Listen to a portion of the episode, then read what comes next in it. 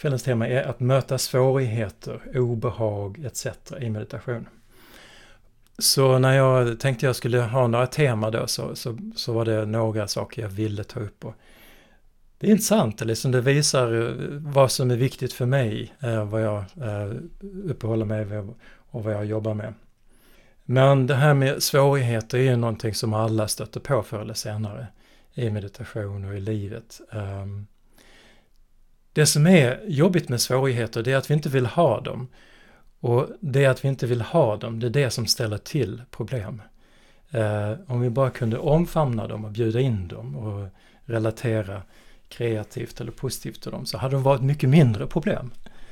Kanske ni känner igen, vi gör eh, svårigheter eller problem större genom hur vi reagerar på dem och, och ser på dem. Så, um, så oavsett om, om, om det är aktuellt eller inte så är det väldigt bra att ha perspektiv på det här området och hur man kan bemöta svårigheter och jobba med dem. Och också veta lite grann vad man kan stöta på. Um, en av mina goda vänner, uh, ska inte säga några namn, men, men stötte på det här i sitt liv. Um, han, han, vet vem det är, uh, men hans meditation gick väldigt bra många år och sen helt plötsligt så, så gick det inte så bra längre och det blev väldigt smärtsamt. Och han blev lite less på mig för att inte, det stod ingenting om svårigheter och sådär. Så det är viktigt att prata om att eh, det kan, kan bli svårt. Um, ja. Så det kan ju vara olika sorters svårigheter vi kan uppleva. Det kan vara svåra känslor, det kan vara upplevelser, um, känslor vi inte vill uppleva eller vill ha. Eller helt enkelt obehagliga upplevelser. Uh, så ibland vet vi inte varför. Uh, ibland vet vi inte vad som händer egentligen. Vi vet inte vad som drabbar oss ibland. Men ibland så upptäcker vi då till exempel att vi distraherar oss, att vi hela tiden vill tänka på något annat. Uh, det kan vara ett tecken på att vi, det är någonting inte vi vill känna eller, eller uppleva. Eller att vi, vi eh, ser att vi vänder oss bort ifrån någonting. Eh, eller att vi blir rastlösa eller oroliga. Så det är olika sätt vi kan upptäcka det på. Såklart, eller vi känner det på. Um, och det här kan ju såklart ha att göra med vår, vad vi kallar vår skuggsida.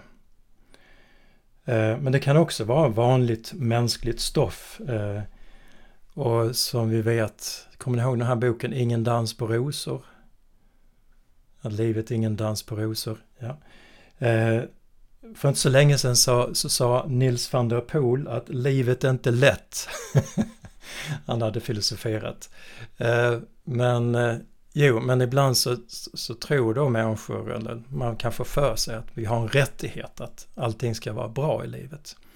Eh, jag brukar ibland säga att jag läste Metro på tunnelbanan och så stod det då att 40% av alla ungdomar är olyckliga. Så tänkte jag, jaha, ens sen då? Det är klart att de är olyckliga, att de är olyckliga. Livet är inte så trevligt alltid. Så ibland, ja, ibland så, så, så, det är klart man vill sälja lösnummer och sånt där, men ibland så får man en intrycket att dagens människor inte vill uppleva eh, svårigheter. Allting ska vara bra. Um, en engelsk poet sa att, att eh, människan står inte ut med allt för mycket verklighet. Ja, så vi har svårt för att möta livet som det är. Så när vi mediterar så möter vi ju verkligheten. Vi möter verkligheten i oss själva. Eh, vi möter vår verklighet, eh, vår psykologiska komplexitet. Och vi får nog vara ärliga att alla människor är komplexa, mer eller mindre komplexa. Jag har inte stött på många människor som är rakt igenom okomplicerade. Jag har stött på några som är då sådär oförskämt glada alltid. då blir man lite misstänksam. Men vad är det, vad är det de döljer? Uh, så ibland så ger de, så, så upptäcker man saker. Men uh, jag tror nästan alla människor har bagage. Um, tyvärr är det så. En del av oss har mer bagage än andra. Um, och om vi inte vill kännas av det där bagaget så kommer det ställa till förr eller senare. Och en del människor som ger sig in på den andliga vägen, på, på meditation och mindfulness, um, är inte medvetna om det från början och då kan det komma som en liten överraskning uh, när det händer. Så den första gången vi i den här serien av meditationer så var temat då att välkomna hela vår upplevelse. Så det är det första vi försöker göra i meditationen, att vara öppen och välkomna allt som finns. Ehm, och det är inte alltid så lätt att göra, liksom att, att bara sitta ner och välkomna hela vår upplevelse. Ehm, men det är oerhört viktigt. Och en sak det är att det tar tid. Ehm, det tar tid för olika sidor eller för hela eh, vår upplevelse att visa sig. Och den kanske inte gör det, kanske inte visar sig helt och hållet. Eh, så då får vi ha tålamod med det. Ehm, det kan vara, ja, ett intressant område det. Eh, har vi tålamod med att, har vi tålamod att, att ge oss tid att välkomna oss själva? Förstår ni vad jag menar? Ibland så bara vill vi, Nej men jag vill bli, nu vill jag meditera, nu vill jag bli koncentrerad eller nu vill jag känna mätta. Och så har vi inte tålamod att, att bara vänta in och, och se vad som faktiskt finns där. Eh, möta oss själva. Så när vi möter oss själva eller välkomnar hela vår upplevelse så upptäcker vi eller inser vi att, att vår upplevelse är ganska sammansatt. Eh, som jag sa, allt visar sig inte på en gång. Och på sätt och vis är det här ganska fascinerande med människans medvetande, att, att det finns lager eller dimensioner i oss som inte alltid är tillgängliga. Eh, och det där är någonting vi behöver respektera.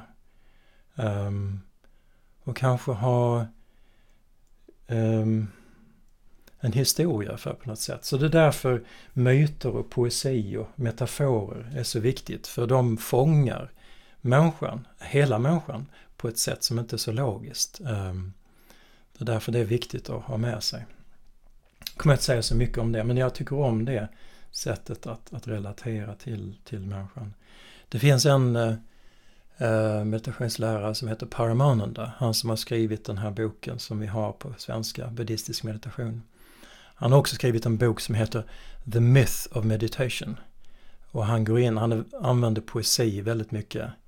Um, han är nästan blind men han, han har lärt sig då innan till mängd poesi som han då reciterar och använder i sin undervisning. Eh, så han kan ni se upp för. Ehm, um, så upp, ja, ni kan se upp om han, om han leder, han ska leda en retreat uh, online snart. Så uh, ni kan lyssna på honom. Han är väldigt speciell. Uh, men uh, väldigt spännande på så sätt hur han använder då myter och poesi. Som gör, gör meditationen mer spännande på så sätt att den är, den är levande, den är, liksom, den är eh, mer poetisk än, än, bara, bara här och nu. Eh, mer sådär, inte så logisk. Ja, så när vi välkomnar hela vår upplevelse så möter vi olika sidor av oss själva och de kommer att visa sig. Ehm, och det är viktigt att ja, lära känna dem och bli vän med dem. Och lägga märke till, och inte minst lägga märke till hur vi reagerar på olika sidor eh, i vår upplevelse. Um, så när vi till exempel eh, känner smärta, alltså, hur reagerar vi då? När vi blir sjuka, hur, blir, hur reagerar vi då? När vi känner sorg, eh, hur reagerar vi då? Och hur, när vi känner glädje, eller när vi ser att andra är glada, hur, hur reagerar vi då? Eh, så det är en del av meditationen att lära känna våra reaktioner på vår upplevelse. Så att vi, vi ser, eh, ja, medvetandegör det. Och då lägger vi också märke till att vissa reaktioner är mer hjälpsamma och vissa mer ohjälpsamma. Sen eh, med det här som underrubriker i en parentes på när jag presenterade det här så sa jag um, traumasensitiv mindfulness. Det är någonting som har dykt upp mer och mer nu på senare år. Um, och jag har själv läst nu på sistone ett par böcker och håller på med en, en traumasensitiv mindfulness, en bok på engelska. Men vad jag har förstått och vad man har förstått nu det är att väldigt många människor har olika sorters trauma i sina liv. Um, eller traumatiska upplevelser. Uh, saker de har varit med om. Um, och det är något jag själv faktiskt blivit medveten om att uh, jag gick i kroppsterapier under många år. Då var en kroppsterapeut som fiskade men hon undrade om det fanns något trauma i mitt liv. Nej, vadå för trauma?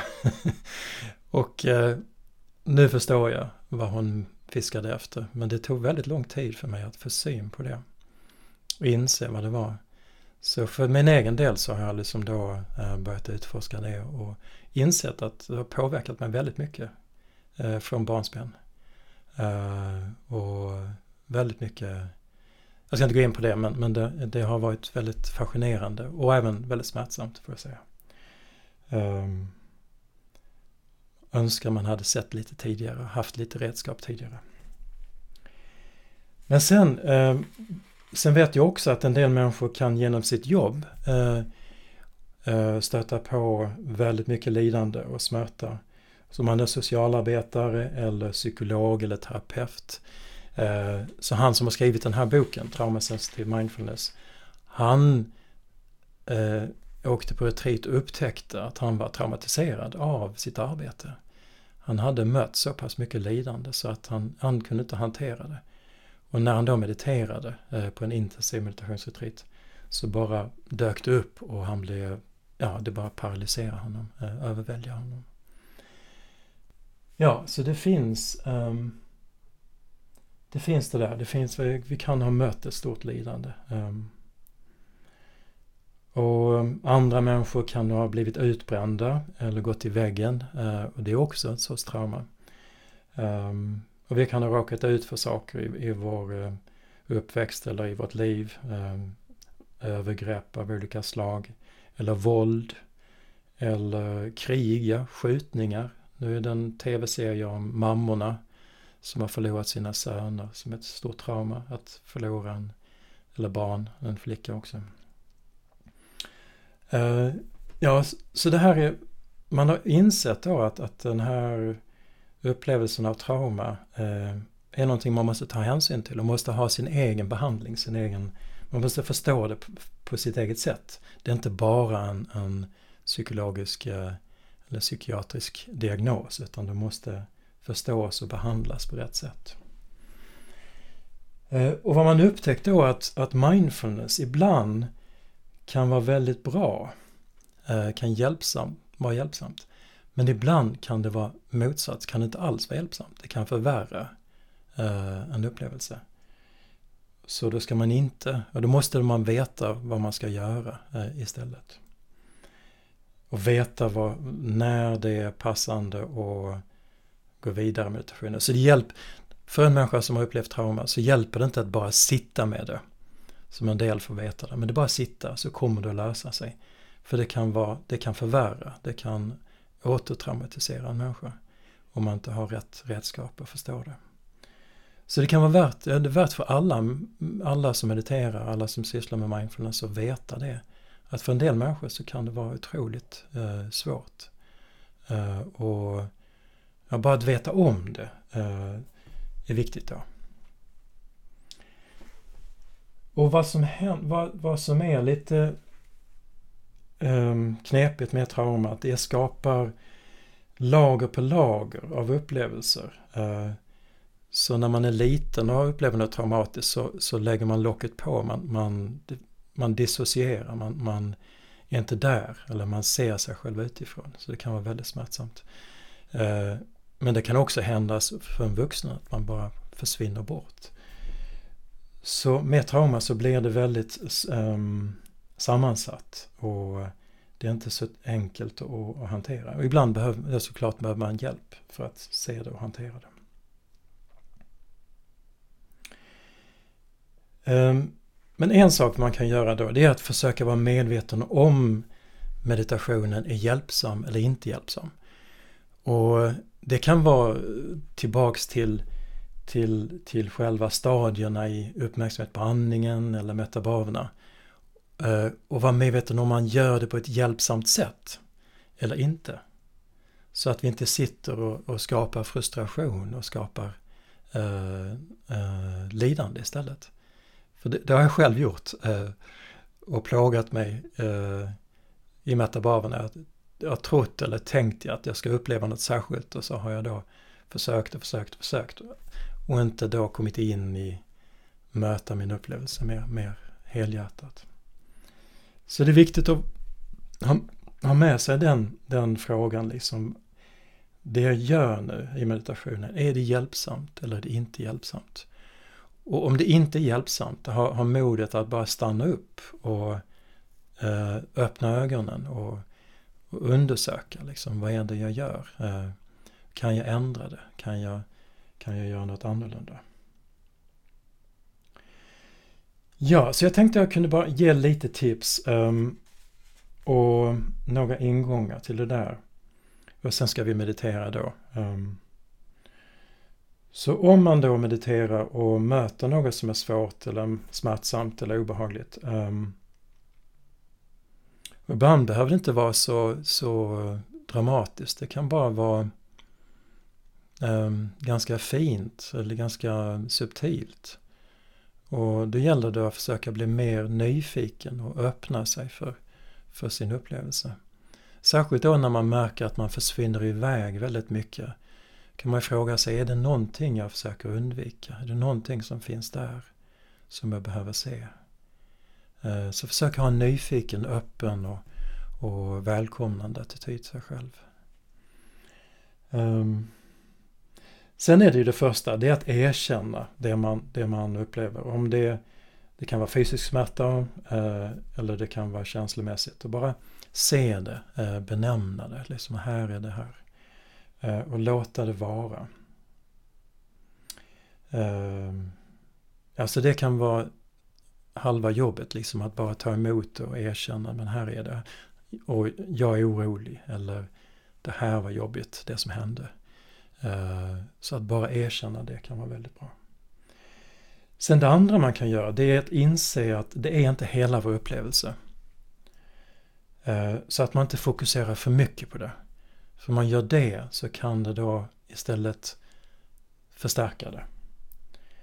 Och det är det som kan hända då. Eh, när man inte har perspektiv så kan man bli alldeles överväldigad. Eh, då fokuserar man för mycket på upplevelsen. Och då kan man istället påminna sig att, att det finns mer i ens upplevelse. Så man kan vidga upplevelsen. Och till exempel um, ta sin uppmärksamhet till en trygg plats. Någonstans i ens kropp som känns trygg. Uh, så det tänkte jag uh, eh, guida lite i. Um, så att vi kommer tillbaks till en grundad plats i oss själva. Så det kan finnas något smärtsamt men samtidigt så har vi en annan upplevelse inom oss. Uh, vi är i kontakt med, med jorden, med kroppen, med andningen. Så vi kommer dit istället ehm, och släpper det som är svårt. Om det är riktigt svårt så kan man bara öppna ögonen också och bara se sig omkring. Och det kan vara väldigt hjälpsamt ibland för när man ser saker så är det som att man, man förankrar sig, man, man fångar, fångar in sig själv ibland. Så ibland är det väldigt bra att sitta med öppna ögon om det är något jobbigt. Sen en annan aspekt är att vi, vi vid andra tillfällen eh, också har bra kommunikation, att vi är bra kommunikation med andra människor, med vänner. Det är en, en bra förutsättning. Men också att vi, att vi bygger, att vi odlar positiva kvaliteter. Att vi då eh, odlar närvaro, odlar mätta och värme och vänlighet. Odlar tillit och självförtroende. Och det gör vi även genom meditation men på många andra sätt. Så när vi så att vi odlar alla de här egenskaperna, positiva egenskaper. Eh, och vi försöker leva etiskt såklart. Så att vi har med det. Eh, så att vi kan falla tillbaks på de positiva egenskaperna som vi bygger upp. Eller vi samlar på oss redskap och positiva egenskaper. Och sen kan vi då plocka fram dem när det väl behövs. Um, så vi kan påminna oss om att det finns, jag har tillit eller jag har olika egenskaper. Så det kan ju också dyka upp på, på olika sätt när vi inte kan sitta still eller vi upptäcker att vi spänner oss eller håller andan. Eller eh, att, som jag sa tidigare, att vi distraherar oss hela tiden. När det händer så kan vi bara stanna upp och se vad som händer och undersöka det lite grann. Ibland kan det vara mer uppenbart att vi verkligen drunknar i våra känslor eller får panik. Eller, eh, en annan vanlig respons är att vi fryser. Att vi liksom...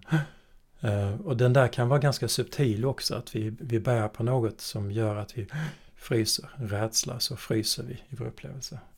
Så det kan vi lägga märke till.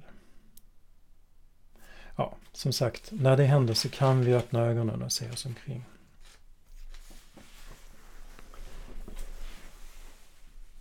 Ja, och även bara det att, att, att tänka att, att svårigheter är en del av livet. Vi kan påminna oss om den första ädla sanningen.